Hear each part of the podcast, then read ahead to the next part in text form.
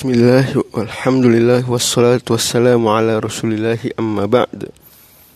Faqad qala al-imam nawawi rahimahullah ta'ala Aw ma'un wa baulun lam yajtahid ala sahih Bal yukhlatani thumma yantayammam Pembahasan berikutnya adalah Kalau seseorang bingung antara dua bejana air atau dua bejana yang nampak sebagai air di mana dia tidak tahu mana yang air mana yang mohon maaf air seni. Tapi dia yakin bahwa salah satunya adalah air tohur air murni yang mutlak mensucikan dan satunya lagi air seni. Sekali lagi kasus ini berbeda dengan kasus sebelumnya di mana sebelumnya adalah antara air dengan air najis. Maksudnya air najis di kasus sebelumnya adalah air yang ternajisi. Seperti air sedikit yang kemasukan najis yang tidak dimaafkan atau air yang dijilat mohon maaf anjing misalnya. Nah, itu kasus sebelumnya. Adapun kasus ini maka betul-betul dia najis zatnya yaitu air kencing misalnya. Jadi dia tidak tidak tahu mana yang air tohur dan mana yang air seni mohon maaf. Dan tentu baru terbayang kasus ini kalau air seninya ini tidak berwarna dan juga sudah tidak ada lagi aromanya. Jadi betul-betul dia tidak bisa membedakan. Dalam hal ini maka karena keparahan hukum air seni beda dengan air yang ternajisi sebelumnya maka khusus kasus ini lam yajtahid dia tidak boleh ijtihad menurut pendapat ulama Syafi'iyah yang sahih. Dan harus saya ulangi bahwasanya kalau ada kode as-sahih maka berarti ada beda pendapat di kalangan sesama ulama Syafi'iyah. Dan bedanya sahih dengan asoh adalah kalau sahih maka tingkat kekuatan perbedaan dalil dari masing-masing pendapat ini timpang. Sementara kalau asoh cukup berimbang.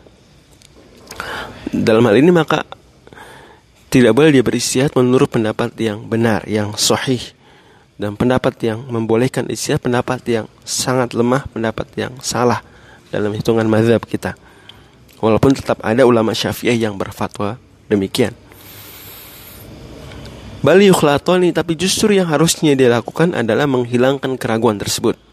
Rasul Shallallahu Alaihi Wasallam bersabda, "Da'ma yaribuka ila ma la yaribuka."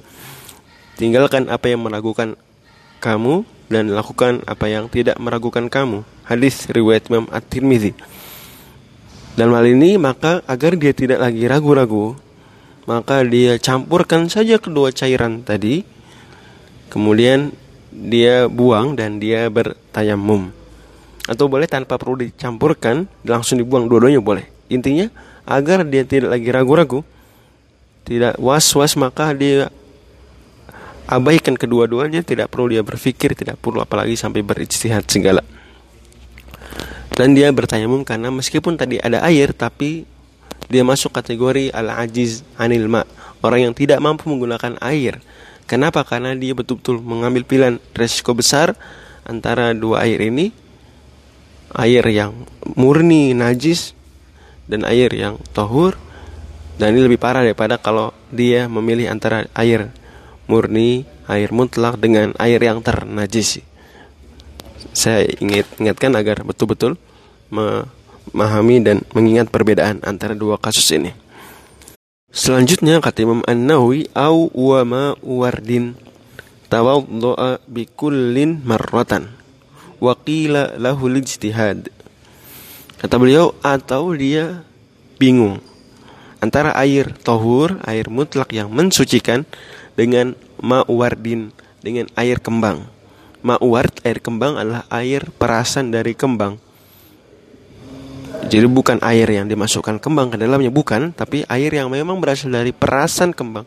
Di mana kembang-kembang bunga-bunga ini sebenarnya kalau diperas ada cairan keluar. Nah, ketika bunganya banyak dan diperas maka cairannya pun banyak.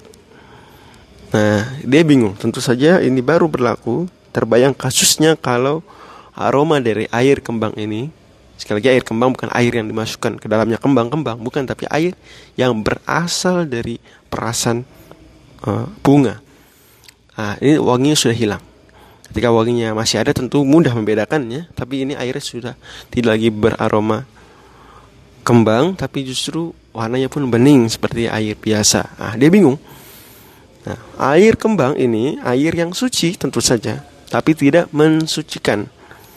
Dia bingung antara air yang suci mensucikan dengan air kembang yang suci tapi tidak mensucikan. Maka solusinya adalah dia menurut pendapat ulama Syafi'i yang kuat adalah dia tawaddu'a bikullin marrotan. Berwudu dengan masing-masing air ini sekali.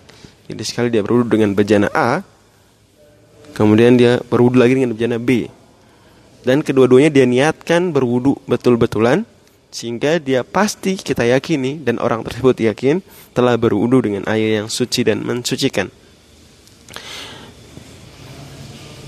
Wakila dan ada pendapat sekali lagi kalau kila maka maksudnya ada pendapat sebagian ulama syafi'iyah yang lemah. Lahul istihad dia boleh beristihad. Alasan boleh beristihad karena kasus ini mirip seperti kasus pertama yaitu air yang ter samarkan. Artinya dia bingung bedakan antara dua bejana satu air tohur satu lagi air ternajisi tapi sekali lagi ini pendapat lemah. Demikian wallahu alam bisawab